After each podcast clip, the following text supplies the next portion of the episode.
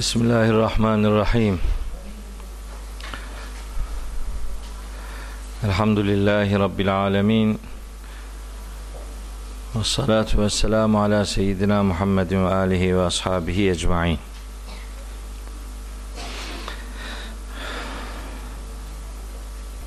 Değerli kardeşlerim, bir önceki derste Yasin suresinin 35'i okuduk mu? Ha. Tamam.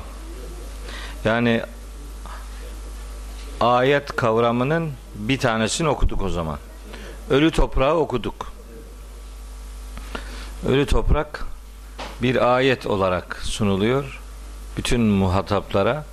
Öldükten sonra diriltilmenin bir delili anlamında.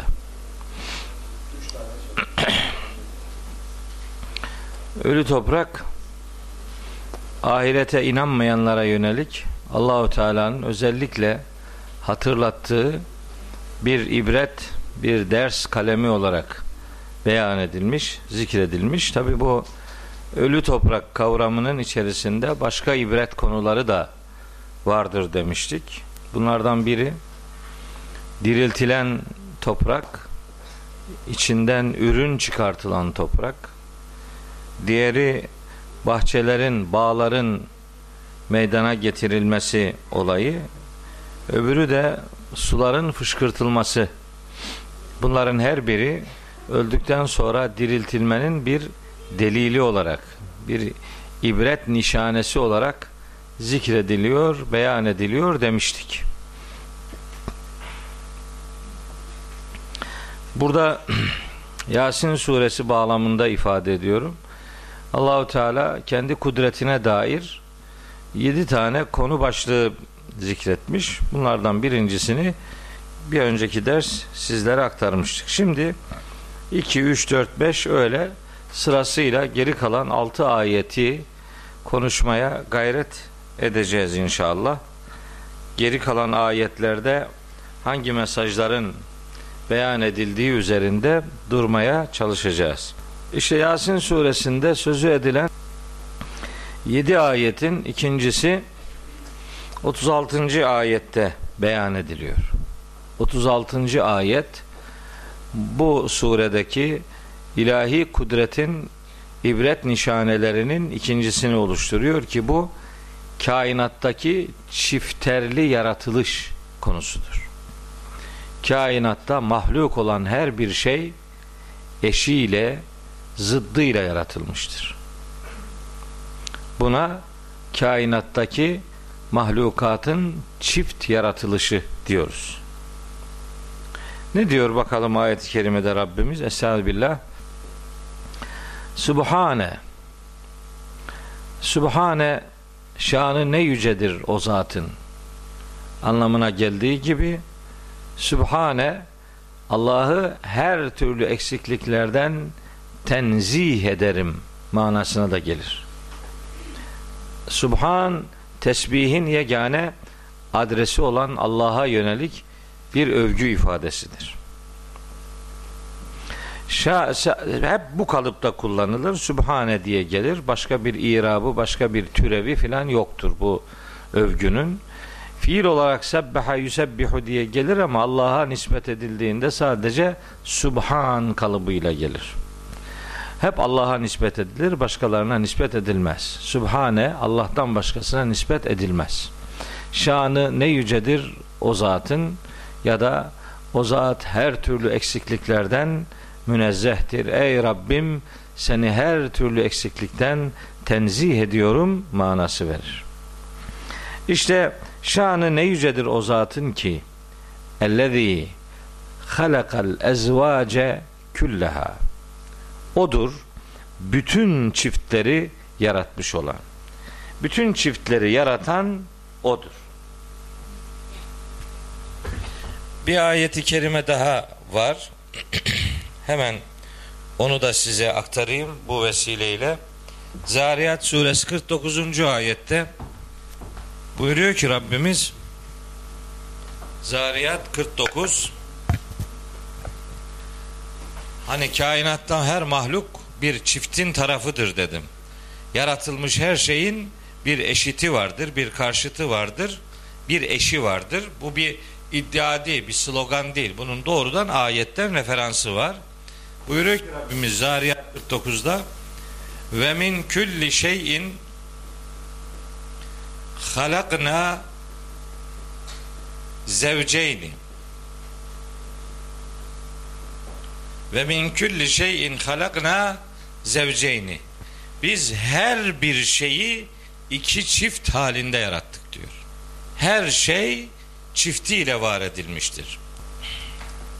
Her şeyin çift yaratılışı biz onu tabi bu çiftlerin nelerden oluştuğunu kalem kalem bilmiyoruz. Bildiklerimiz var ama bilmediklerimiz bildiklerimize göre çok fazla. Mesela bu çift ve tek yaratılış sistemi, sistematiğine dair Fecir suresinde de bir gönderme vardır. Hemen surenin başında Allahu Teala buyuruyor ki yemin ediyor çeşitli varlıklara ve şef'i vel vetri şef çift demektir.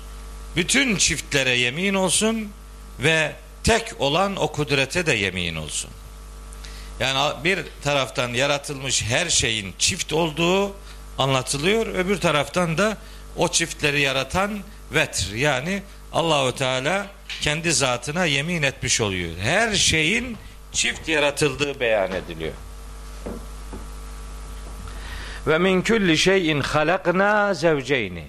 Her bir şeyden biz mutlak surette eşler, eşitler, çiftler yarattık.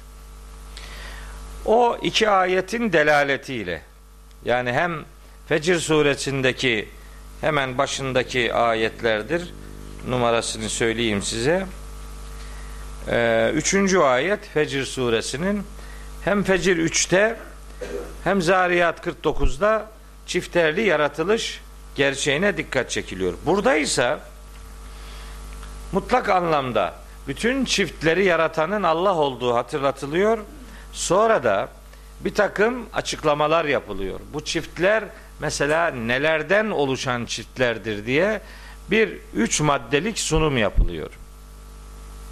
Bakın birinci madde çiftlerle alakalı birinci madde mimma tümbitül ardu arzın bitirmekte olduğu şeylerden toprağın bitirmekte olduğu şeyler burada bitirme eylemi toprağa nispet ediliyor olsa da o sünnetullahın devamı olarak aslında Cenab-ı Hakk'ın bir faaliyeti ve yaratma sünnetinin bir devamı olarak beyan ediliyor demektir.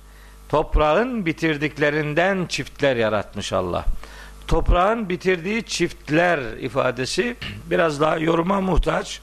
Toprağın bitirdiği çiftler Şimdi suyun toprakla buluşması bir çift hakikat oluşturur.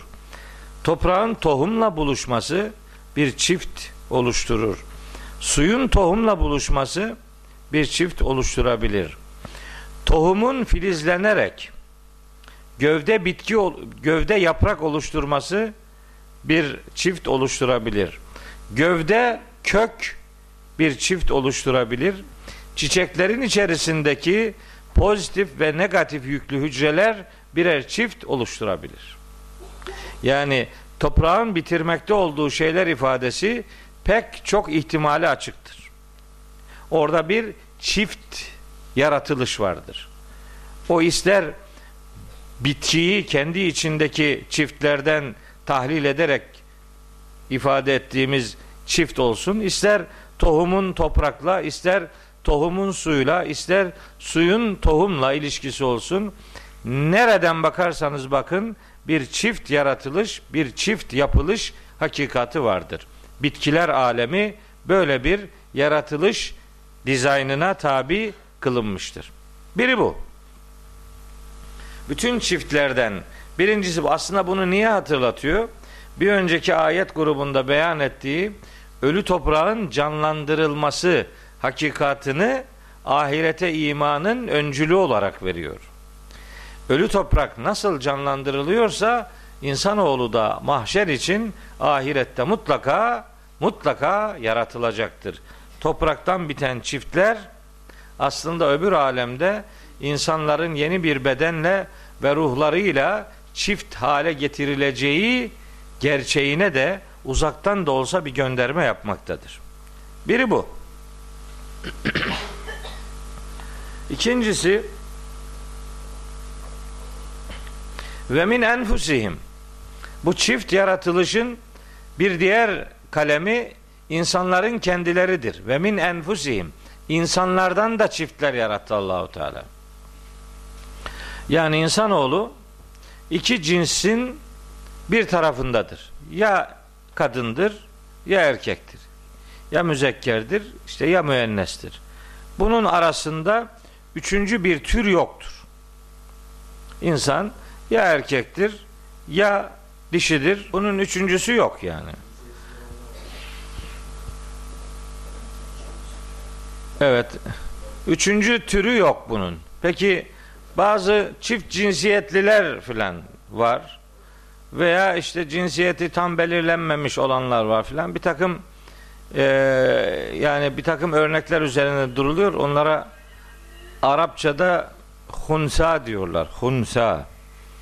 Öyle bizim literatürümüze e, o kelimeyle yerleşmiş bir de cinsiyeti karışıklıklar karışıklar var. Bunlar bir sistemin örneği olarak kabul edilmezler. Yani bunlar da bir türdür denmez. Nedir peki? Bunlar benim şahsi kanaatim. Bu kanaati milletin paylaşması gerekmiyor. Benim şahsi kanaatim. Burada bir hastalık söz konusudur. İnsanlar doğarken bazı hastalıklarla doğabilirler. Doğarken şeker hastası olan çocuklar vardır yani. Doğarken engelli insanlar vardır. Doğarken bir sıkıntıyla e, Mongollar var değil mi? Prematüre çocuklar var yani. Onların önümüzde durduğu bir alemde bunu anlamakta zorluk çekmeyiz artık yani. Bu da bir bir çeşit hastalıktır. İnancım odur ki bu cinsiyet noktasında problemli doğanların vücut yapıları hiçbir şekilde yüzde elli yüzde elli eşit değildir. Mutlaka bir tarafa doğru yatkınlığı vardır. Yani onların mutlaka bir yüzde elli birlik bir yoğunluğu vardır bir tarafa doğru. O yoğun olan tarafa insanlar tedavi edilirler işte.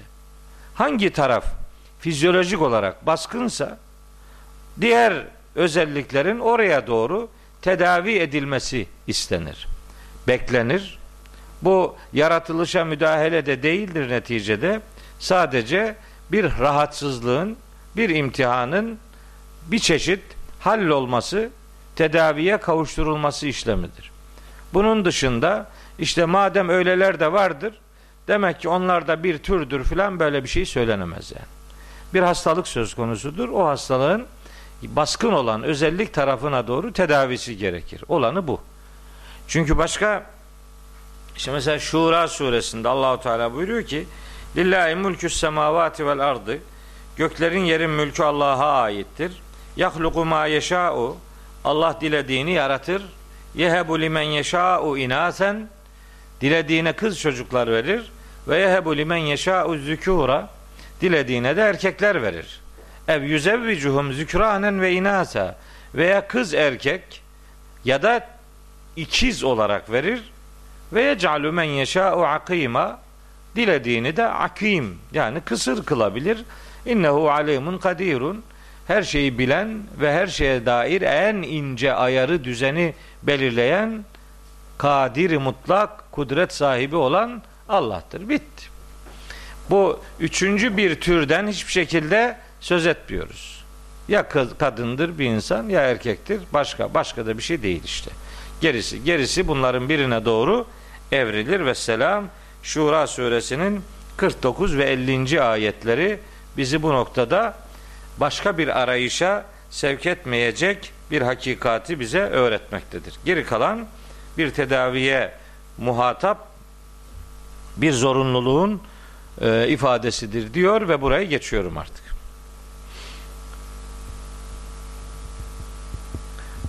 Yani bunun istismar edildiğini de biliyoruz. Bu, bu iş çok istismar edilen bir iş. Yani bakıyorsun adam adam Bayağı adam yani. Sakalı var, bıyığı var, ne bileyim adam. Böyle kaslı maslı. Lan bir süre sonra bakıyorsun kadın olmuş. Efendim benim eğilimlerim öyleydi. Ya senin eğilimin mi yoksa bu senin fantazin mi ne malum? Eğilimim öyleydi lafı laf değil ki. İnsan günah işlemeye de eğilimlidir. Sen şimdi günah makinesi misin yani? Eğilimin günaha diye habire suç mu işleyeceksin yani? Bu doğru bir yaklaşım değildir. İfade ettiğim gibi bir tedavilik durum vardır. Vesselam. Başka. Başka da bir şeyle ilgilenmemek lazım. İkisi bu. İkincisi bu. Üçüncüsü ise benim için asıl çarpıcı olanı budur. Kainattaki çifterlilikle alakalı Rabbimizin beyan buyurduğu üçüncü cümle. Ve mimma la ya'lemune. Bunu tercüme ederken şöyle diyorlar. Ve bir de hiçbir şekilde bilemeyecekleri şeylerden yaratılan çiftler. Şimdi bakın hiçbir şey hiçbir şekilde bilemeyecekleri manasını verebilmemiz için bu cümledeki la edatının yerine len edatının gelmesi gerekir. Madem ki orada len edatı yoktur, demektir ki bu bir süre sonra insanlar bir şeyler bilecekler. Zaman geçecek başka şeyler de bilecekler. Ama her neyi ne kadar biliyor olurlarsa olsunlar Allah'ın ilmini hiçbir şekilde kuşatamayacaklardır.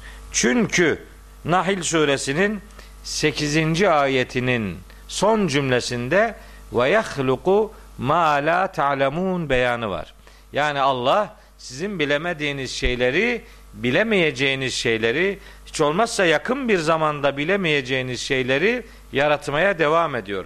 Allah yaratma sıfatını hiçbir zaman kaybetmeyeceğine göre daima bizim bilemeyeceklerimiz olacaktır. Fakat bizim bilemeyeceklerimiz olacak diye biz hiçbir şeyi bilemeyiz manasına gelmez bu. Niye? Bir başka ayet bu noktada önümüzü açıyor. Neml suresinin 93. ayeti. Neml 93. Orada buyuruyor ki Rabbimiz ve kulil hamdülillahi de ki hamd övgü Allah'adır. Öyle ki seyriküm ayatihi Allah size ayetlerini zamanı geldiğinde gösterecektir. Fesetarifuneha ve siz de onları tanıyacaksınız. Demek ki bizim öğrenmeye ve tanımaya dair önümüz kapalı değil. Ne kadar öğrenebilirsek onun önünde bir engel yok. Fakat nihayetinde bilmeliyiz ki biz öğrenebileceklerimiz kadarına ancak ulaşabileceğiz. Aksi takdirde bilemediğimiz taraflarının bulunduğunu unutmayacağız. Biz her şeyi biliriz demek Allah'ın bilgisini kuşatmak demektir ki bu tevhide ve Allah'ın sıfatlarının Allah'ın zatına aidiyeti gerçeğine aykırıdır. Her şeyi bilemeyiz. Her şeyi bilen Allah'tır. Biz biz de pek çok şey biliriz ama ne kadar bilirsek biler, bilirsek bilelim bilemeyeceklerimizin bulunduğunu unutmamak mecburiyetindeyiz. Bakın şimdi kainattaki çiftler kavramından mesela eskiden hiç kimse mesela maddenin pozitif ve negatif yüklü hakikat olduğunu bilmezdi. Yani pozitif yüklü maddenin protonlarını, negatif yüklü elektronlarını insanoğlu yeni öğrendi. Yani yeni öğrendiğimiz şeyler var. Yeni öğrenebileceklerimiz de var. Bilemediğimiz şeyler ifadesi asla bilemeyeceğimiz şekilde önümüzü kapatmıyor. Ben bu ayetten hareketle insanoğlunun çalışma trendini daha da yükseltmek zorunda olduğunu anlıyorum. Daha çok şeyler bilelim. Kainat kitabının daha çok ayetiyle buluşalım.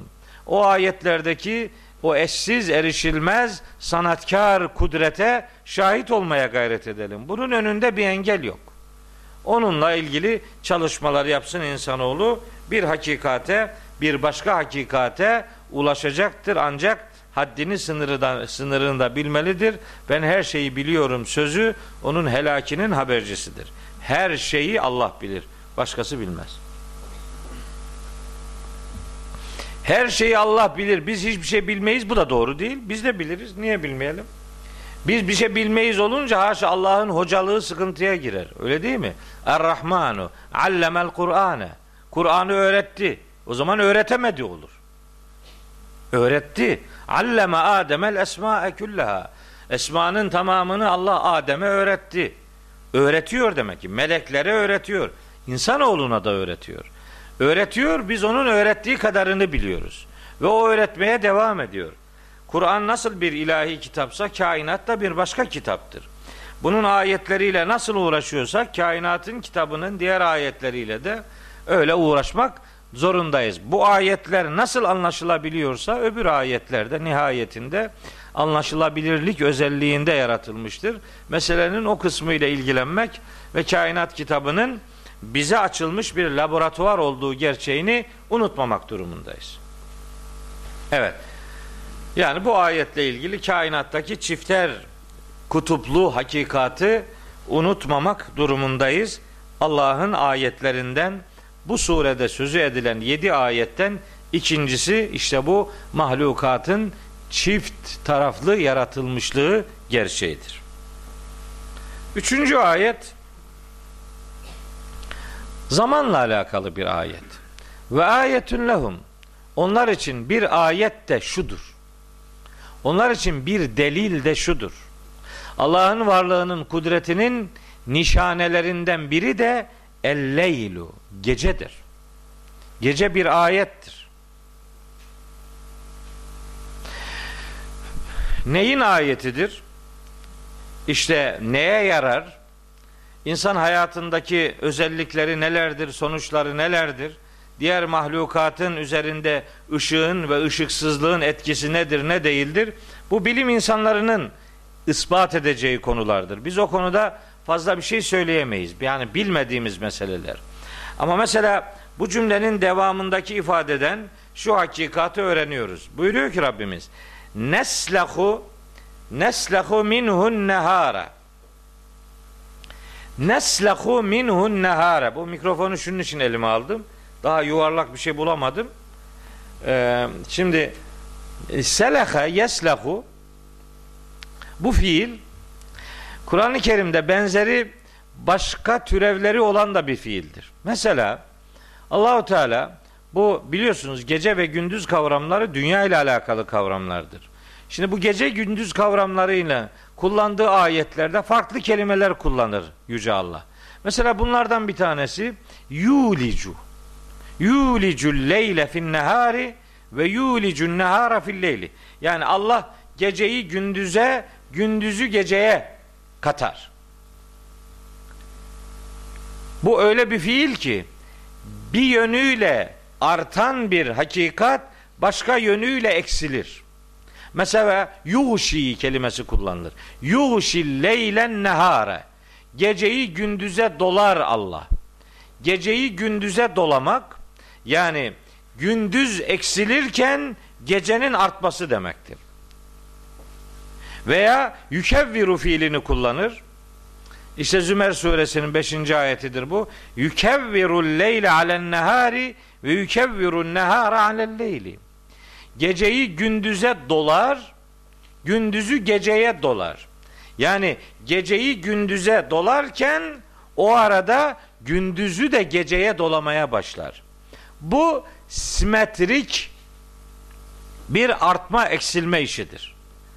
Bir taraftan artan şey bir taraftan eksiliyorsa bu simetrik bir özelliği arz eder. Ancak bu simetrik özellik köşeli maddelerde olmaz. Köşeli maddelerde bu anlamda simetri aranmaz. Simetrinin bu tür yani bu dört fiildeki özellik eşit olarak bir yerden azalırken öbür yerden artması sadece yuvarlak nesnelerde olur. Yuvarlak olmayan nesnelerde böyle bir artarken azalma birbirine eşit düzeyde artarken azalma olmaz. Bu ayetten hareketle dünyanın yuvarlak olduğu sonucuna dair bu ayetten bir işaret beyan edebiliriz. Çünkü bakın diyor ki neslehu minhu ennehara biz geceden gündüzü soyup alırız. Neslehu soyup almak. Şimdi öyle bir soyup almak ki yavaş yavaş gerçekleşen bir iştir. O gündüzü soyup alırken feidahum muzlimun. Bir de bakarsın imkan, insanlar karanlığa düşmüşler. Yani bir taraftan gündüzün ışığı yavaş yavaş çekilirken geri, geri, geriye gece kalır. Bu öbür taraftan da artık gündüzün içinden gecenin alınması yani gecenin bitip yavaş yavaş sabahın olması manasını içinde barındırır. Bu iki hakikatten hareketle gecenin bir ayet olduğunu, gecenin aslında hayatın devamı için yüzde elli bir fonksiyon icra ettiğini ve gece gündüz kavramları noktayı nazarında bunların yuvarlak bir nesnenin hareketiyle ilişkili olduğunu, yuvarlak olmayan şeylerde böyle simetrik özelliklerin bulunmadığını, bu yönüyle gecenin de müstakil bir ayet olduğunu Allahu Teala bize beyan ediyor. Yani peki bunun Mekkeli müşriklere yönelik dersi nedir? Yani onlar ne anlayacak bundan? Bence onlara anlatılmak istenen bir bu ilahi kudretin, bu ilahi gücün eşsiz ve erişilmez olduğudur. Yani gecenin sahibi de Allah'tır, gündüzün sahibi de Allah'tır. Aslında verilmek istenen mesaj bu. Fakat özellikle muhataplar eğer ahirete inanmıyorlarsa söylenmek istenen şudur. Siz bu dünyayı her ne kadar gündüz gibi görüyorsanız da bunun bir gecesi vardır. Sadece hayat dünyadır diyenler dünyanın akıbetinde bir gece ile buluşacaklardır. Dünyasını gündüz gibi sadece bir hayat değeri olarak gündüz gibi kabul edenin yarını ahireti gecedir, karanlıktır.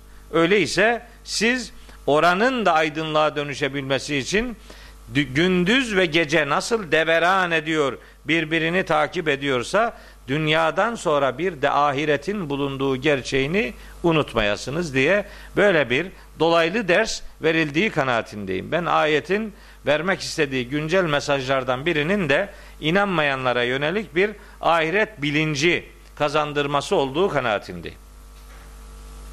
Bu üçüncüsü. Dördüncüsü Dördüncüsü dördü böyle yapınca Rabia diyorlar. E, Rabia ne ne olmuş? Ya kardeşlerimiz 529 kişi idama mahkum edildi. Kendi öz kardeşin olsa rahat edebilir miydi? Hani kardeş, hani hani kardeşimizdi hepsi? Kimsenin aklına geldiği yok. Kutlu doğum haftası münasebetiyle hep bunu söyledim. Kardeşinse ızdırabını duy. Bir şey yap. Ne yapayım? Hiç olmazsa namazında dua yap. Ne olur? Böyle elini açtığında aklına onlar gelsin. Sadece onlar değil, mazlum olan bütün insanlar. Dünyanın her yerinde dini, ırkı, milliyeti, mezhebi, meşrebi her ne olursa olsun haksızlığa, zulme uğratılmış herkes bizim mazlumluk noktasında kardeşimizdir. Onlara dua etmek bizim varlığımızın gereğidir. Cenab-ı Hak onları bu kararla imtihan ediyor, bizi de onlarla imtihan ediyor.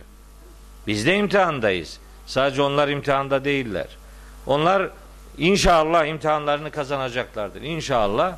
Zaten yüzlerinde hiçbir tereddüt, tedirginlik de yok.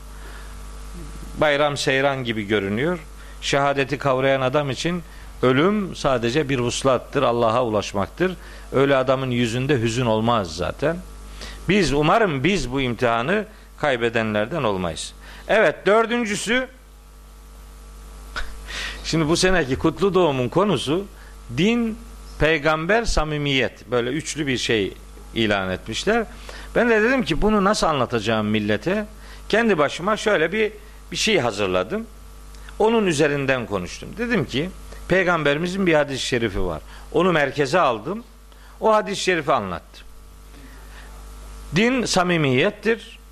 Nasihat kelimesi samimiyet anlamına geliyor. Ed-dinu en nasihatu Niye öyledir diyorlar kardeşim? Bak diyorum ki peygamberimiz Kur'an'dan beslenmeyen söz söylemez. Bir söz peygamberimizin ağzından çıktıysa o sözün referansı olan mutlaka mutlaka bir ayet vardır.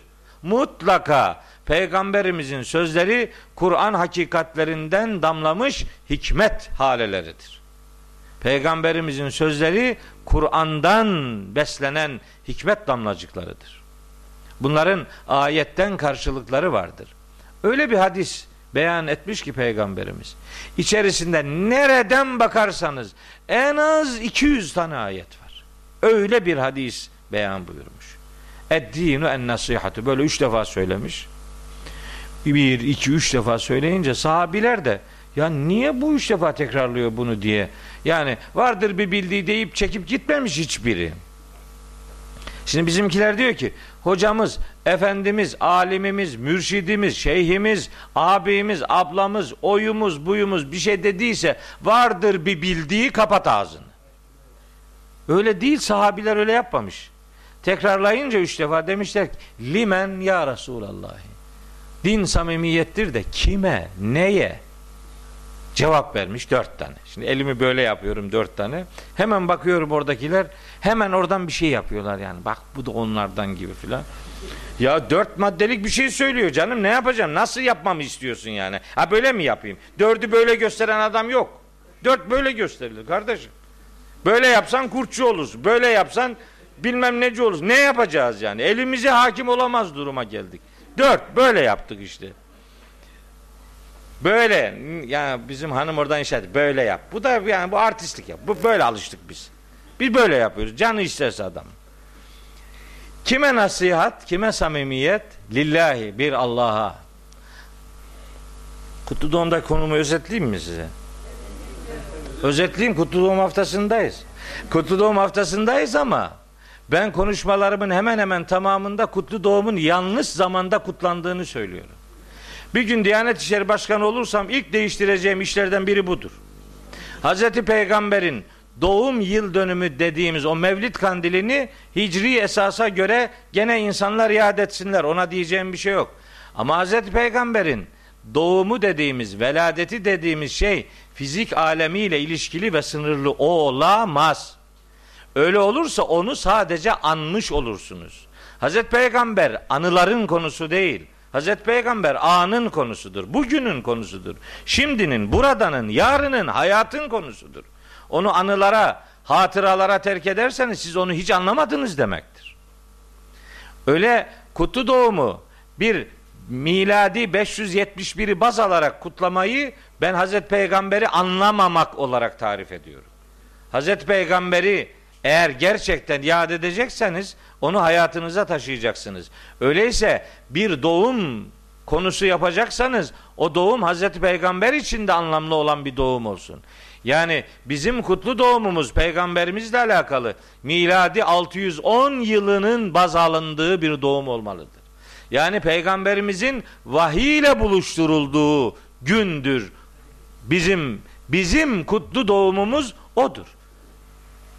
Yani Efendimizin risaletle buluşturulduğu, vahiy ile buluşturulduğu Hira Dağı'nda, Hira mağarasında Ramazan ayının son döneminde Kadir gecesinde işte o büyük buluşmadır kutlu doğum. İnşirah suresi bunu anlatır kardeşim. Elem neşrah leke sadreke ve vada'na anke vizreke ellezî enkada zahrake ve rafa'na leke zikreke. Budur kutlu doğum bu. Yani biz ey peygamber senin için özellikle leke var orada leke. Özellikle senin için yüreğini ferahlatmadık mı? Neydi peygamberimizin yüreğini daraltan şey? Devam eden ayette diyor ki vada'na anke vizrak. Yükünü kaldırdık biz senin. Hangi yük? Ellezî enkada zahrak. Sırtını çatırdatan o yükü kaldırıp attık. O yük Peygamberimizin Mekke'nin ahlaksız gidişatından duyduğu rahatsızlık idi. Onun için ikide bir Hira mağarasına çıkıyordu. Mekke'ye kuş bakışı bir manzara atmak için ya da piknik yapmak için ya da temiz bir hava almak için Hira'ya çıkmıyordu. Hira arayış demek. Arıyordu, hakikati arıyordu. Rabbine aşık oldu diyorlardı Mekkeliler Hazreti Peygamberi mağaraya çıktığını duyduğunda. Diyorlardı ki aşika Muhammedun Rabbahu. Muhammed Rabbine aşık oldu diye alay ediyorlardı. Öyle bir aşkınız olursa vahiy size yağar gelir. Öyle bir aşkı olmayanın vahiy beklentisi olamaz. Böyle sadece hava alır yani. İşte o beklentilerin o ara Hira arayış demek zaten. Hira mağarası Hira arayış. Taharri aramak demektir yani. Hira taharri aynı kökten geliyor. Aramak yeri yani. Hakikati aramanın yeri. Orada Kadir gecesinde hakikatle buluşturuldu peygamberimiz. İşte onun için diyor ki elem neşrah leke sadrek. Senin için leke, senin için yüreğini ferahlatmadık mı? Bu tercümelerinin tamamına yakınında bu lekeyi görmezsiniz. İşte elimdeki meali hemen örnek vereyim. Bakın İnşirah suresi birinci ayet. Biz senin göğsünü kalbini açmadık mı? Bu da böyle dedi. Bunlar ne diyor biliyor musun? Peygamberimizin göğsünün açılması çocukken işte alınıyor, götürülüyor bir yere Cebrail açıyor, yarıyor karnını, kalbini çıkartıyor. içinde bir siyah bir et parçası varmış. Onu oradan kesiyor. Geri kalanını zemzemle yıkıyor, koyuyor onu yerine, kapatıyor onu. Aa ne kadar güzel gördün mü? Yani çocuğun kalbinde günah ne ararmış? Sonra günah dediğin şey maddi bir şey mi ki bunu kesip alıyorsun? Günah maddi bir görüntü müdür ki zemzem suyuyla yıkamaya tabi tutuyoruz? Neyin nesi bütün bunlar canım? Bu anlamak istemeyen adamın kaçamak verdiği cevaplardır bunlar. Bu peygamberimizin yüreğinin açılmaz. Bu ayetler başka yerlerde de geçiyor. Aynı şey Hazreti Musa da söylüyor ama onun kalbini yarmaktan kimse söz etmiyor. Rabbi şrahli sadri. Ya Rabbi benim için göğsümü ferahlat diyor. Orada peygamber Hazreti Musa'nın da kalbini yarmışlardı diyen yok. Ona kimse bir şey demiyor. Bizimkinde ameliyat oluyor yani. Kardiyolojik bir muameleye tabi tutuyorlar Hazreti Peygamberi. Yani bu değil tabii ki. Niye o değil? Devam eden ayetler onu söylüyor zaten kardeş. Ve vada'na anke vizrek. Yükünü kaldırdık. Ellezî enkada zahrek. Belini çatırdatan o ağır yükü kaldırdık. Ve rafa'na leke zikrek senin için şanını, ününü, adını, mesajını, öğüdünü yükseklere taşıdık. Her geçen gün senin adın, ünün, şöhretin yani dünyayı tutuyor. Her geçen gün artan bir trendle bu hakikat her tarafa doğru yayılıyor. Senin için zikrini yüksek tuttuk. O zikre eğer Kur'an manası verirseniz bu vahiy senin için bu vahyi diğer vahiylerin mütekamil hali yaptık. En güçlü hali vahyin Kur'an halidir. Ona öyle bir manada verilebilir ve selam. Kutlu Doğum'un tarihi aslında Kadir Gecesi'dir. Aslında Ramazan'ın son haftasıdır yani. Oradan bakılırsa daha bir anlamlı olur. Dedim ki peygamberimiz işte dinin samimiyet olduğunu söylüyor. Dinin samimiyet oluşu neye ve kime karşı samimiyet diye yeniden peygamberimize soru tevcih edildiğinde dört maddelik cevap veriyor. Buyuruyor ki bir, lillahi Allah'a karşı samimiyet. İki, veli kitabihi kitabına karşı samimiyet. Üç, veli nebiyyihi nebisine karşı velil müminin ve bütün müminlere karşı samimiyet. Şimdi din samimiyettir. Bu cümleyle yetinilemez. Devamını da okuyacaksın kardeş. Devamında kullandığı dört tane kelime hayatı özetleyen kelimeler. Bunları nasıl görmezlikten geleceksin? Niye okumuyorsun? Allah'a karşı bir Müslümanın samimiyeti beş maddeden oluşur. Asgari beş madde. Bir, Allah'a tam iman. İki, Allah'a tam teslimiyet. Üç, Allah'a tam güven. Dört, ibadet ve itaati tam olarak Allah'a teksif etmek. Beş, hayatı Allah'la yaşamak. Var mısın? Allah'a karşı samimiyet bu beş kalemden oluşur. Allah'a iman ettiğin kadar ona teslim oldun mu? İman edip teslim olduğun kadar Allah'a güvendin mi? Allah'ın huzurunda eğildiğin nin beraberinde başkalarının huzurunda eğiliyor musun? Menfaatin için takla atıyor musun? Neler oluyor? Hayatı yeniden bir kontrol et. Şuradan çıkıp giderken herhangi bir iş yaparken Allah benimledir, beni görüyor şuuruyla Allah beni kontrol ediyor ve bana yaptığım ve düşündüğüm her şeyin hesabını soracaktır duygusuyla hareket edebiliyor musun? Yok. Ama Allah'a karşı samimiyim. Kitabullah'ın bir kısmına inanıyor, bir kısmına inanmıyor. İnandığı hakikatlerin bir kısmını söylüyor, bir kısmını söylemiyor. Bunlar samimiyet değil ki. Samimiyet beraber olmayı gerektirir. Allah'a karşı samimiysen hayatı Allah'la yaşayacaksın. Budur senden istenen. Bu Allah'a karşı olan. Kitabullah'a karşı samimiyet. Peki ya burada nerelerdeyiz? Allah'ın kitabına karşı samimiyet ölçümüz nedir? İnsan samimi olduğu insanla beraber olmak arzu eder. Samimiyet beraberlik getirir. Sevincinizi, hüznünüzü paylaşmayı getirir samimiyet. Beraber olmayı, aynı değerlerin, aynı yürek yangınının her iki tarafta da hissedilmesi lazım. Samimi olduğunuz bir adama derdin nedir sorusunu sorar ve ona derman olmaya çalışırsın. Peki dedim ki siz Kur'an'a hiç sordunuz mu? Ey kitabım derdin nedir? Benden ne istiyorsun sen diye. Hiç sorduk mu? Sormadık. Hiç konuşmadık Allah'ın kitabıyla. Bir kerecik olsun konuşmadık. Ama çok samimiyiz. Buna mı sen samimiyet diyorsun? Bu mu? Kur'an'a karşı samimiyetinin de beş tane kalemi var. Bir, adam gibi okumak. İki, okuduğunu anlamak. Üç, anladığını yaşamak. Dört, Kur'an'ı konuşmak ve konuşturmak. Beş, Kur'an'ı hayatın merkezine almak. Kur'an'a karşı samimiyetinin beş kalemi budur. Neresindesin sen bunu? Kitabullah'tan hicret ettik, dağıldık, gittik. Yani bir Ramazan'da bir mukabele, bir de cenazede bir Yasin. Bütün irtibatımız buraya indirgendi. Başka başka bir şey yok. Yani çok seviyorum falan. Çok seviyorsun ama hani beraber değilsin. Nasıl seviyorsun yani? Kur'an oku diyorsun adam okumuyor. Anla diyorsun anlamıyor. Ya ilahiyat fakültesinde Kur'an meali ödevi veriyorum. Çocuklar Kur'an meali okumuyor. Vallahi okumuyor ya. Okumuyor. Ne yapıyor biliyor musun? Sureleri okuyun, özetini çıkarın diyorum. En özetini, kolayını bulmuşlar. Surelerin başında bu şey var ya, bu tanıtıcı, küçük paragraf. Buraya yazıp getiriyor.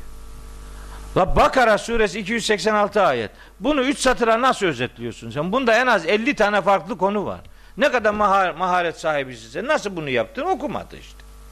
Çünkü ona diyorlar ki kaldığı yerde. Meal okuma sapıtırsın. Ha, bak ne kadar güzel gördün?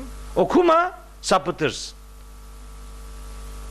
Okursan sapıtırsın yani. Yani böyle korkunç bir şey var. Acayip gidiyor yani. Bu, bu, bu anlaşılmaz bir şey.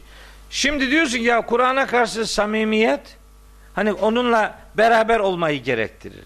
Mesela evinde elinde Kur'an nerelerde duruyor yani? Slogan atıyorum. Diyor ki evlerdeki Kur'an ellere taşınacak. Evin evdeki Kur'an'ın sana bir faydası yok. Elindeki Kur'an'ın sana faydası var. Elini alacaksın, açacaksın bunu. Satırlarda okumayla yetinemezsin. Sadırlara taşıyacaksın.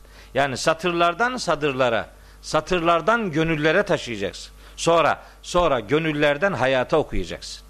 Kur'an okumak, Kur'an'ı hayata okumak ve onu hayata taşımaktır. Siz Kur'an'ı hayata taşıyacaksınız ki o da sizi cennete taşısın.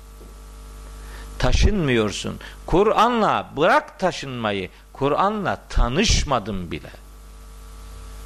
Ee, böyle böyle olmaz. Buna samimiyet demezler. Kusura bakmasın kimse. Herkes o, o mesele yok deyip kendini karşı kenarda görüyor. Elin alemin adamı sahilde yaya kaldı diyor. Ben öbür tarafa geçtim. Göreceğiz kimin nereye geçtiğini. Öyle sloganla olmuyor bu iş. Sen Kur'an'a hayatını vermezsen o sana zırnık koklatmaz. Böyledir bu iş. Hayat ister, fedakarlık ister. Kur'anlı bir hayat ona karşı fedakarlık gerektirir. Siz Kur'an'a ne kadar fedakarlık yaparsanız onun dönüşü size o kadar olur. Kur'an'a fedakarlık yapmıyorsun. Sipariş ediyor. Diyor ki ben diyor bir tane Kur'an-ı Kerim aldım diyor. Bunu verdim hoca efendiye mukabele sürüyor oradan diyor. Ne demek sür? Bu alıyor böyle her ayeti böyle eli böyle götürüyor. E ben ben sürüyorum da ben sürünce sen de sürmüş nasıl oluyorsun? Hadi ben aldım sürdüm. Sen nasıl sürmüş oluyorsun? Sen sürmedin ki ben sürdüm. Öyle sürmek de bir işe yaramaz ya. Neyse. Ne sipariş, ne korkunç şeyler ya. Bu nasıl bir Kur'an algısı arkadaş? Bunu sorunca diyor ki ha bak diyor bu, bu diyor bu bunun kafası bozuk diyor. Evet sapmışın teki diyor. Niye saptık? Diyorsan Kur'an oku kardeşim. Hazreti Muhammed böyle yaptı diyorum. Hazreti Muhammed başka kitap okumadı diyorum. Adam buna bile inanmıyor. Peki ne kitap okudu? Söyle bakalım. Zaten okuma yazma bilmiyordu. Ne okudu? Okumadı işte. O bunu okudu bir tek. Sen de onu oku. Hazreti Peygamber'in yaptığını yap demek kabahat oldu gördünüz mü? Allah'ın yap dediğini yap demek Peygamberimizin uyguladığını uygulamak kabahat oldu, sapıklık oldu.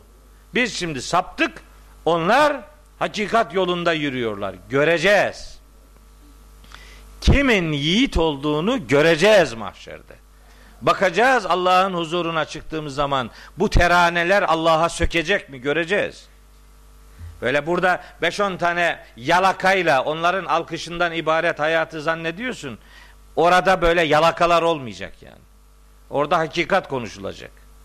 Aa bizimki diyor uçtu be döktü. Ne döktü sütü? Döktü cehenneme döktü işte. Döktüğü yer cehenneme dökülmek işte. Başka da bir şey yok yani. Üçüncüsü Nebiyullah'a karşı sadakat. Sayıyoruz. Neyi sayıyoruz? Kutlu doğumun konusunu. Benim şekillendirdiğim konu. Din samimiyettir. Bir, Allah'a karşı. iki Kitabullah'a karşı. Üç, Resulullah'a karşı. Resulullah'a karşı samimiyetin. Onun da beş maddesi var. Ona tam iman edeceksin. Ona tam teslimiyet göstereceksin. Ona tabi olacaksın. Hayatı onunla yaşayacak. İçinde peygamber içindedir, içinizdedir duygusuyla peygamberle birlikte yaşamaya gayret edeceksin. Ve nihayet peygamberin peygamberliğine şahit olacaksın. Peygamberin peygamberliğine şahit olan var mı? Mekkeliler peygamberimize derlermiş ki ve yekulüllezine keferu leste mursela Ey Muhammed sen peygamber filan değilsin derlermiş. Cevabı Cenab-ı Hak kendisi veriyor. Ona verdirtmiyor. Onu bırakmıyor.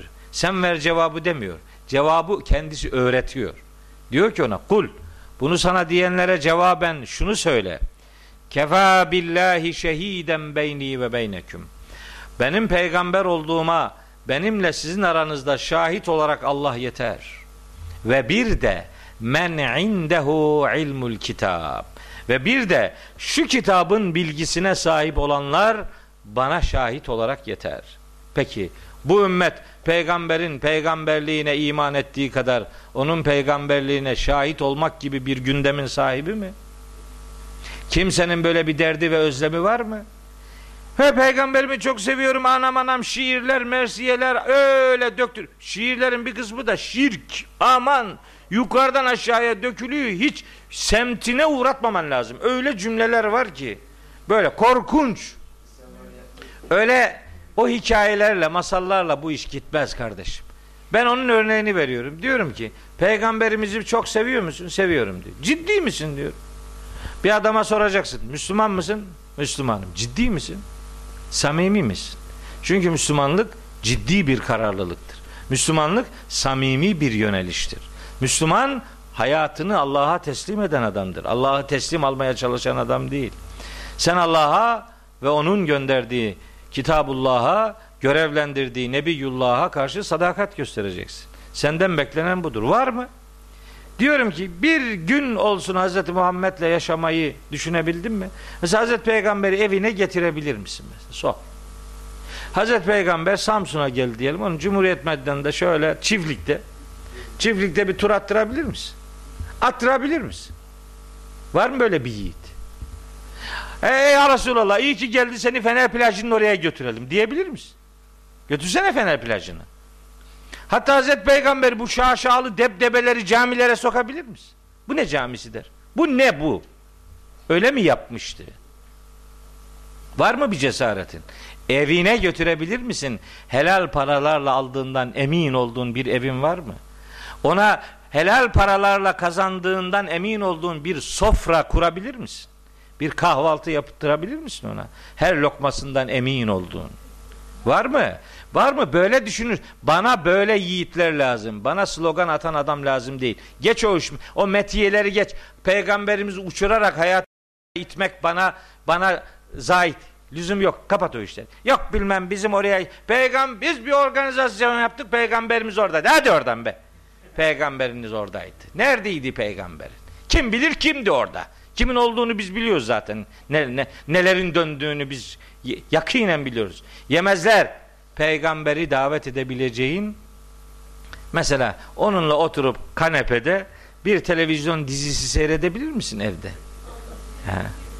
Seyredemezsin değil mi? Nasıl seviyorsun peygamberi peki? Yan yana beraber yaşamayı hayal edebiliyor musun? Yok.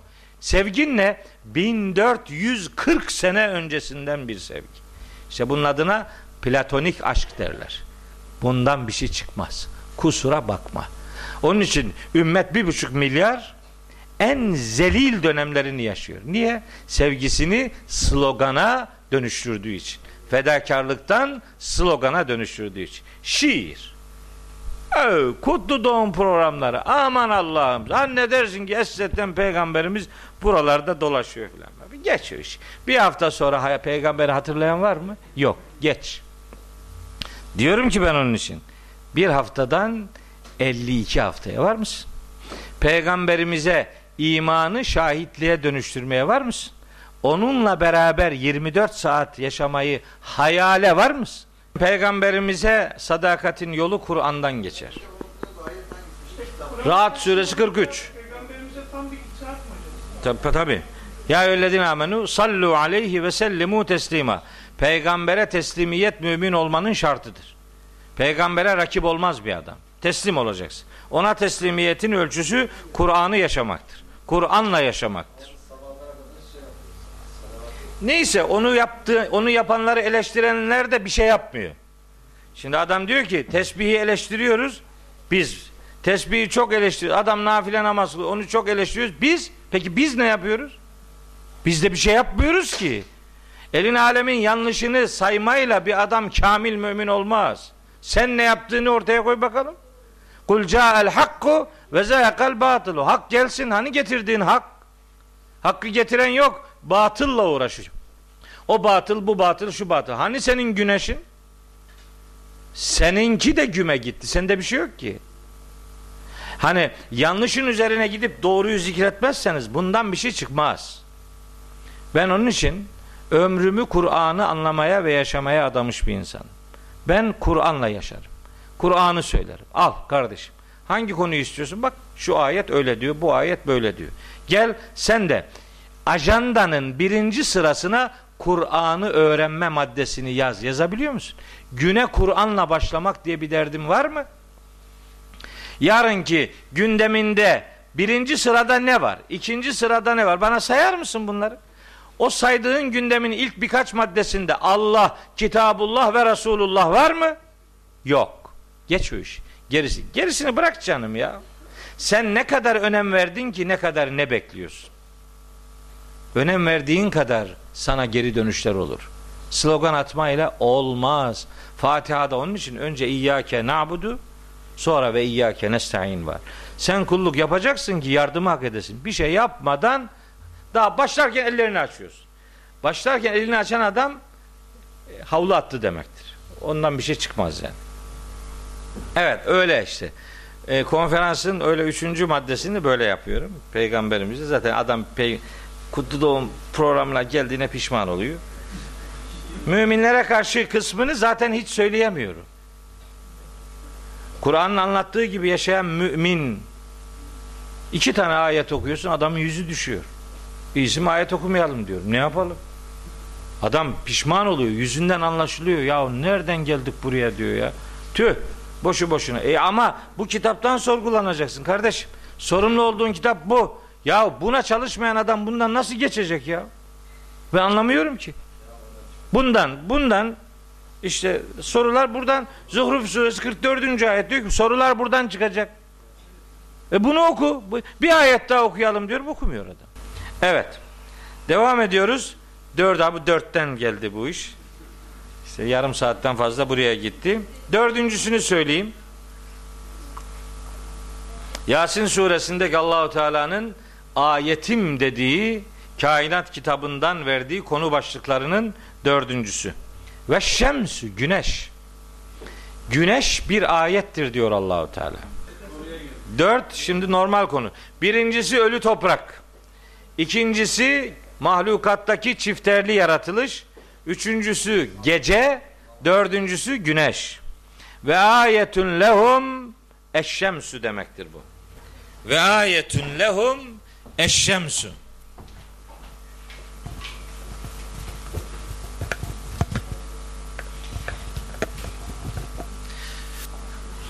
Ve şemsu diye geliyor ya. Ve şemsu. İşte burada hani bu konuların en başında gelmişti. Ve ayetun lehum el ardul meytetu. İkincisinde yok, üçüncüsünde vardı ve ayetun lehum el leylu. Ee, şimdi dördüncüsünde yok ama orada da var kabul edilir. Yani şurada bir gizli ayetun lehum ifadesi var kabul edilir. Onlar için bir ayette şudur. Onlar için dediği kim için? Herkes için.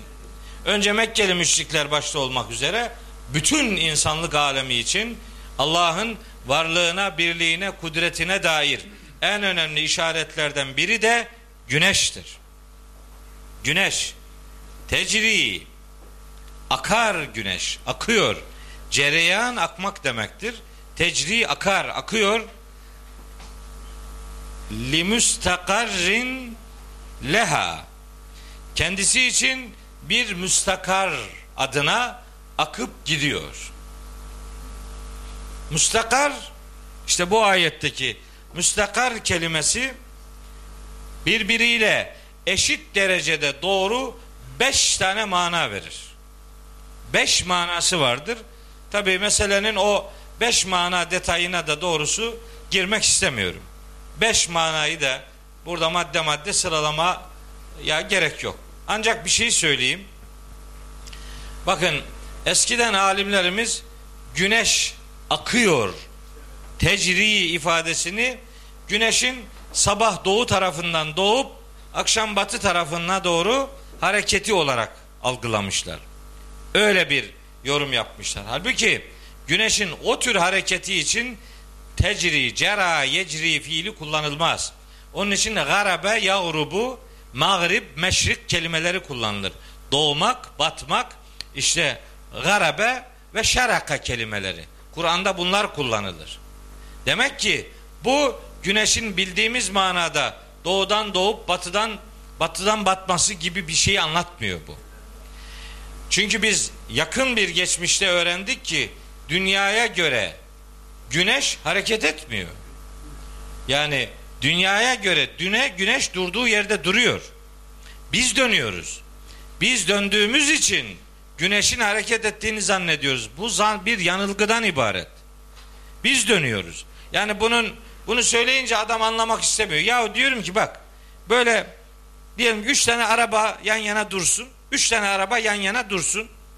Sen ortada ol. Başka tarafa bakma. Arabalara bak. Böyle o ikisi arabaların ikisi ileri doğru gitsin sen geri gittiğini zannedersin.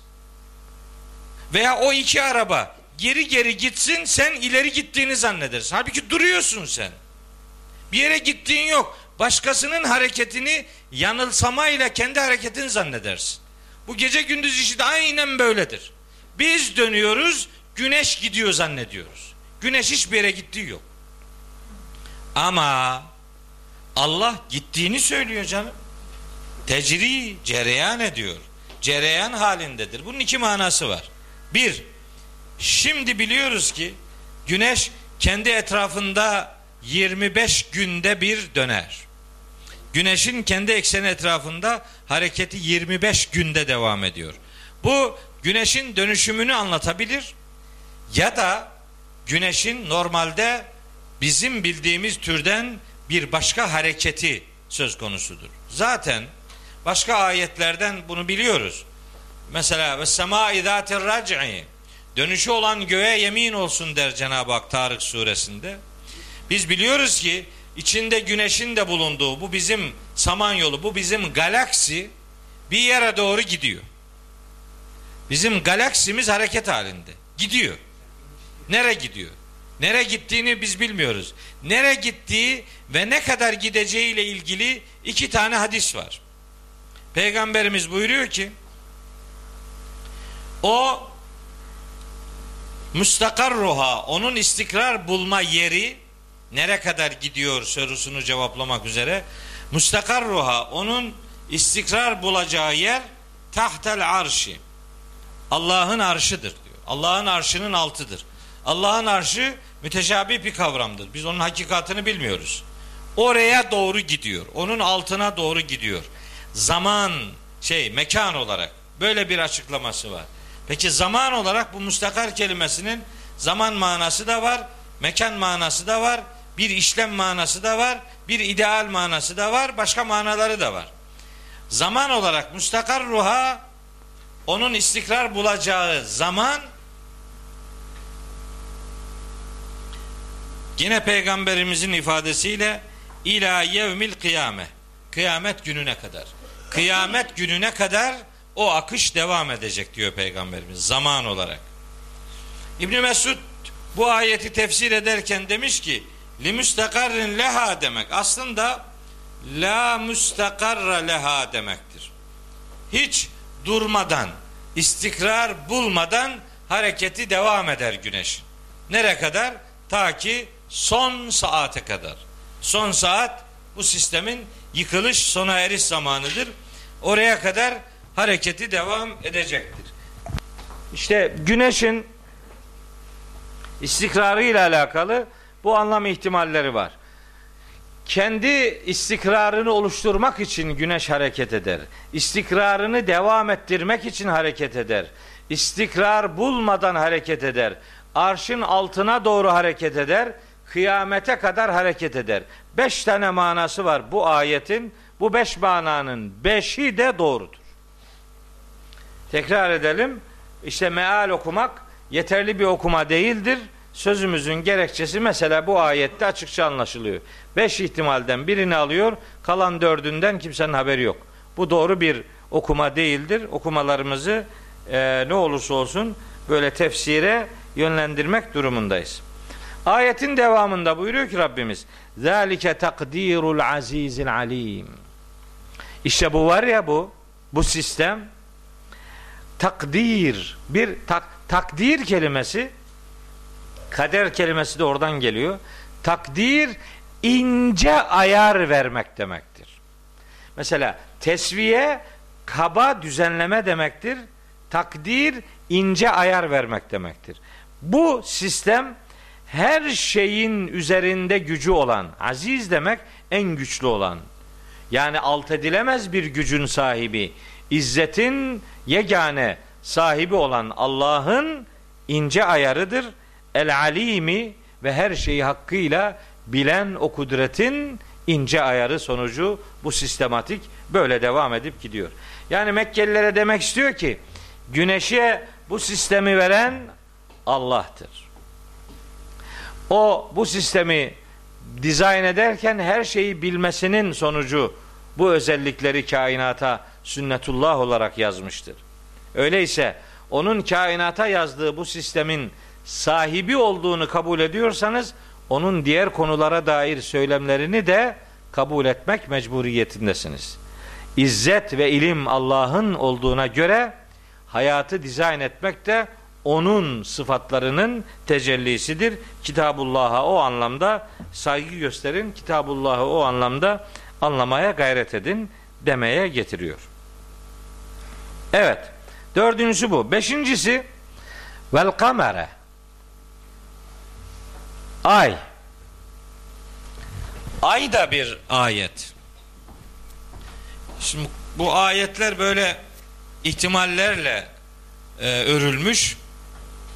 Buyuruyor ki bakın bunu biz vel kamera diye okuyoruz. Vel kamera. Aslında bunu önceki ayetlerle ilişkilendirdiğiniz zaman bunun ötüre okunması lazım. Yani bunun sanki açılımı şudur. Ve ayetün lehum el kameru. Onlar için bir ayet de aydır. Ve ayetün lehum el kameru. Onlar için bir ayet de aydır. Eğer el kameru diye düşünürsek. Yok bunu el kameru diye okumuyor bizim İmam Asım. El kamera diye okuyor. O zaman bunun takdiri şudur. Ve kadderna el kamera menazilehu. Biz aya duraklarını takdir ettik. Ayın durakları var. Ayın menzilleri var. Ayın durakları. Biliyorsunuz ay işte beş tane evresi olan bir gezegendir. Hilalle başlar. İlk dördün olur. Dolunay olur. Son dördün olur. Sonra da hilal olur.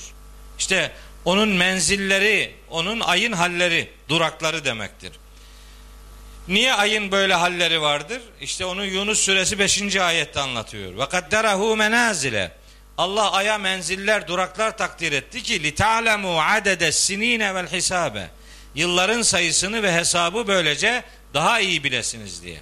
Yani onlar hem sünnetullah'ın bir görüntüsüdür hem de insan hayatının devamı ile alakalı önemli bir misyon ortaya koyar.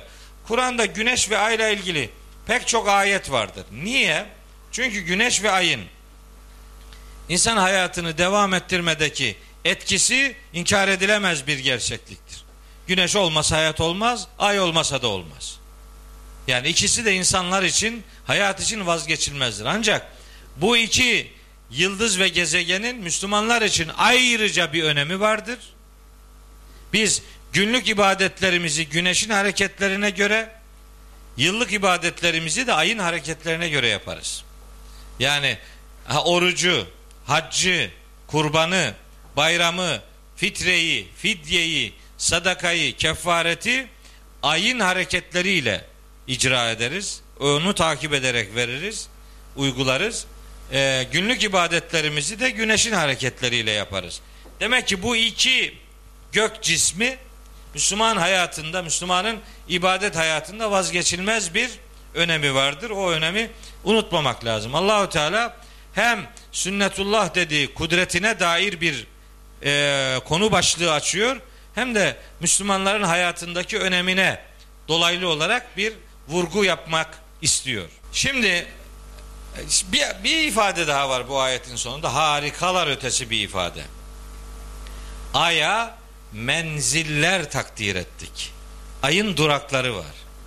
Nere kadar bu duraklar? Hatta şuraya kadar. Ade kel urcunil kadimi. Hatta sonunda aya menziller takdir ettik.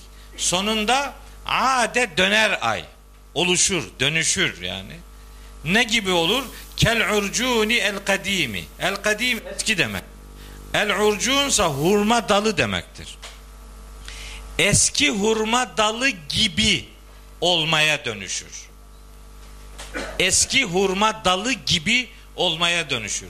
Bu nedir biliyor musunuz? Allahu Teala muhteşem bir benzetme yapıyor. Şimdi hurmanın dalı ağacından düştükten sonra o sapı hurmanın sapı düştükten sonra gün geçtikçe incelir. İnceldikçe kıvrılır, kıvrıldıkça sararır. İşte ay da aynen böyledir. Dolunaydan sonra gün geçtikçe incelir, inceldikçe kıvrılır, kıvrıldıkça sararır. Kainat kitabıyla işte muhteşem bir e, uyum yani öyle erişilmez gezegen ay ve onun çeşitli halleri bir kurma hurma dalının sapıyla benzeştir, benzeştirilerek kudretullah'ın nasıl her varlıkta benzer şekillerde tecelli ettirildiği gün yüzüne çıkartılıyor bu harika benzetme ile. Bu şu demek aslında ey Mekkeliler siz de hayatınızın dolunayını yaşıyor olabilirsiniz ama bu yavaş yavaş hilale doğru evriliyor haberiniz olsun. Hep dolunay gitmez. Bu yavaş yavaş bir bitişe doğru hareket ediyor. Bu alemin bir başka aleme doğru evrilmekte olduğunu unutmayın. Bir başka şey e, verilmek istenen mesaj da aşağı yukarı budur. Ve nihayet altıncısı da Üzerinde fazla konuşmadan bitireceğim. Altıncı ayet. Altıncısı Leşşemsü yenbeği leha en tudrikel kamera. Ne güneş için ayı yakalamak söz konusudur. Yani ne güneş ayı yakalar ve le leylü sabikun nehari ne de bir gece gündüzün önüne geçer. Yani hiçbir gece bir başka gece ile devam etmez. Geceler daima gündüzlerle takip edilir. İki gecenin arasında bir gündüz yahut da iki gündüzün arasında bir gece mutlaka ve mutlaka vardır. Şimdi bunu deyince hemen diyorlar ki kutuplarda 6 ay gece 6 ay gündüz var. Peki bunu sorana cevap vermeye çalışmayın. Siz soru sorun, o cevap versin. Hiç yani ne zorlanıyorsun? Niye savunuyorsun canım? Ona onu sorana de ki sen kutuplardakiler 6 ay uyuyor der diyebilir misin? Madem 6 ay gece millet 6 ay uyuyor mu? Veya 6 ay gündüzdür. Millet 6 ay hiç yatmıyor mu? Yok. Hiç de öyle değil. Her ne kadar ışıkla alakalı bir görüntü farklılığı olsa da hayat orada da 24 saat üzerinden gidiyor. Hayat gene gece ve gündüz kavramları ile devam ediyor. Ancak elips bir maddenin kutuplarına doğru elbette bazı farklı görüntüler olur ama asıl meseleler yani ekvatora yakın ve ekvator civarındaki hakikatler üzerinden yürütülür ki dünya nüfusunun yüzde doksanından fazlası bu bölgede yaşıyor. Diğer taraflardaki de bir ışık yanılsamasıyla yüz yüzedir ama hayat oralarda da 24 saat zaman dilimi üzerinden yürüyor. Öyleyse oradaki değişimin bu ayetle herhangi bir zıtlığı kesinlikle söz konusu değildir. Geceler gündüzlerle takip edilir. Niye bunun hatırlatılması yapılıyor? Gene aynı. Maksat gene aynı dersi vermek. Yani güneşin kendine ait bir sistematiği vardır. Ayın da öyle. Gecenin de öyle, gündüzün de öyle. Ve küllün fi felekin yesbahun. Onların her biri belli bir yörüngede tesbih ediyorlar. Sebh ediyorlar, yüzüyorlar. Varlıkların tesbihi yaratılış gayeleri doğrultusunda varlıklarını devam ettirmesidir. Güneşin tesbihi ışık vermesi, ısı vermesidir. Ayın tesbihi evreleridir. Dünyanın tesbihi dönmesidir, gecesidir, gündüzüdür. Kuşun tesbihi uçması, cıvıldamasıdır. Yağmurun yağmasıdır, rüzgarın esmesidir. Bilmem ne, aklınıza ne geliyorsa. Her bir varlık ne için yaratılmışsa varlığını devam ettirdiği o düzen onun tesbihidir. Burada da yesbahun kelimesi, yüzmek kelimesi kullanılıyor. Her biri kendine ait bir yörüngede yüzüyor. Buradan hareketle dünyanın yuvarlak olduğu ve o yuvarlak bir nesnenin ay nasıl bir hareket içindeyse, güneş nasıl bir hareket içindeyse dünyanın da öyle bir hareketi takip ettiğini bu ayet zımnen ortaya koyuyor. Bu hareket hem tesbihtir hem her bir varlığın kendisi için belirlenmiş bir sistematiğinin olduğunu Allahu Teala beyan buyuruyor. Gecenin gündüzü geçmemesi yani bu alemi hep gündüz sayan müşriklere demek istiyor ki bu hep gündüz değil bir gecesi de olacak. Ya da bu alemde Allah için çektiği sıkıntıları bir gece gibi zannedene moral veriyor. Bu hep gece değil bunun bir gündüzü de vardır. Mümine moral, kafire gözdağı vermeyi amaçlayan muhteşem bir cümledir bu altıncı ayet. Bu haliyle ayeti sizlere ifade ettim. Yedinci ayeti de beş dakikada özetleyip bugünkü dersi inşallah bitirmiş olayım. Çünkü yedinci ayeti bir dahaki derse bakırsak kopuk olur. Kalan kısmıyla sıkıntı olmasın. Yedinci ayeti de şöyle beş dakikada özetleyeyim. Yedinci ayet suyun kaldırma kuvvetiyle alakalıdır. Nasıl görüyor musunuz? Tam ölülere okunmaklık bir sure.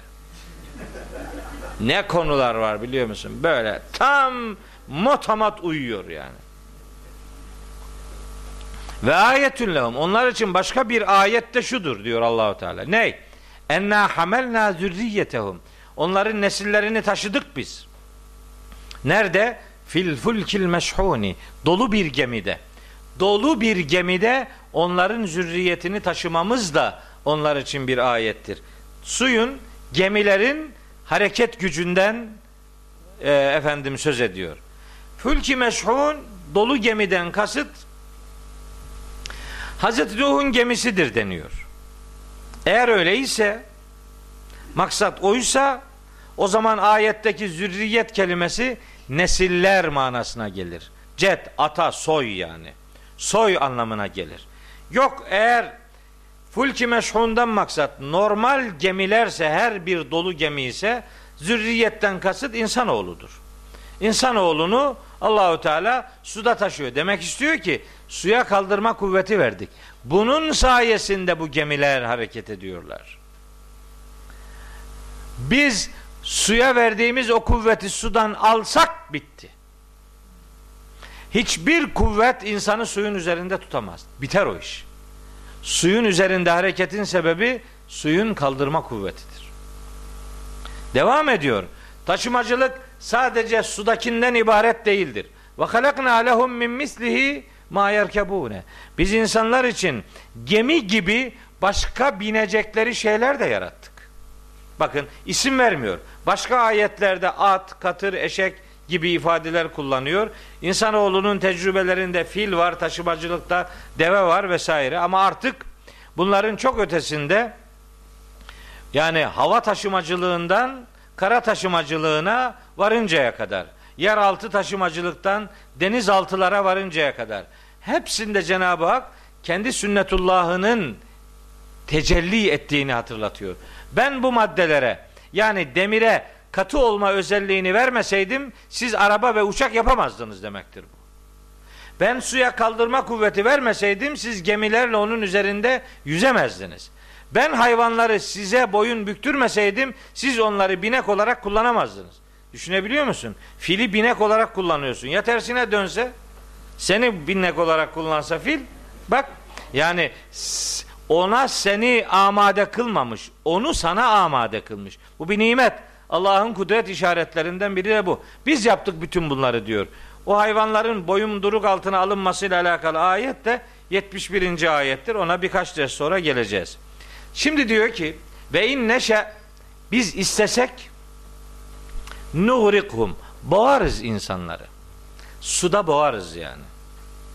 Fela sarihe lehum ne feryat edip feryatlarına yetişen olabilir ve lahum yunkazun ne de o boğulmaktan kurtarılabilirler. Biz istesek boğarız. Suyun kaldırma kuvvetini iptal etti mi Allahu Teala bitti işte. Boğuldu gitti. Biliyor musunuz bu ayetteki dolu gemiden maksadı ana rahmi diye tefsir eden alimler de vardır. Fülki meşhun ana rahmi olabilir. Biz sizi ana rahimlerinde taşıdık.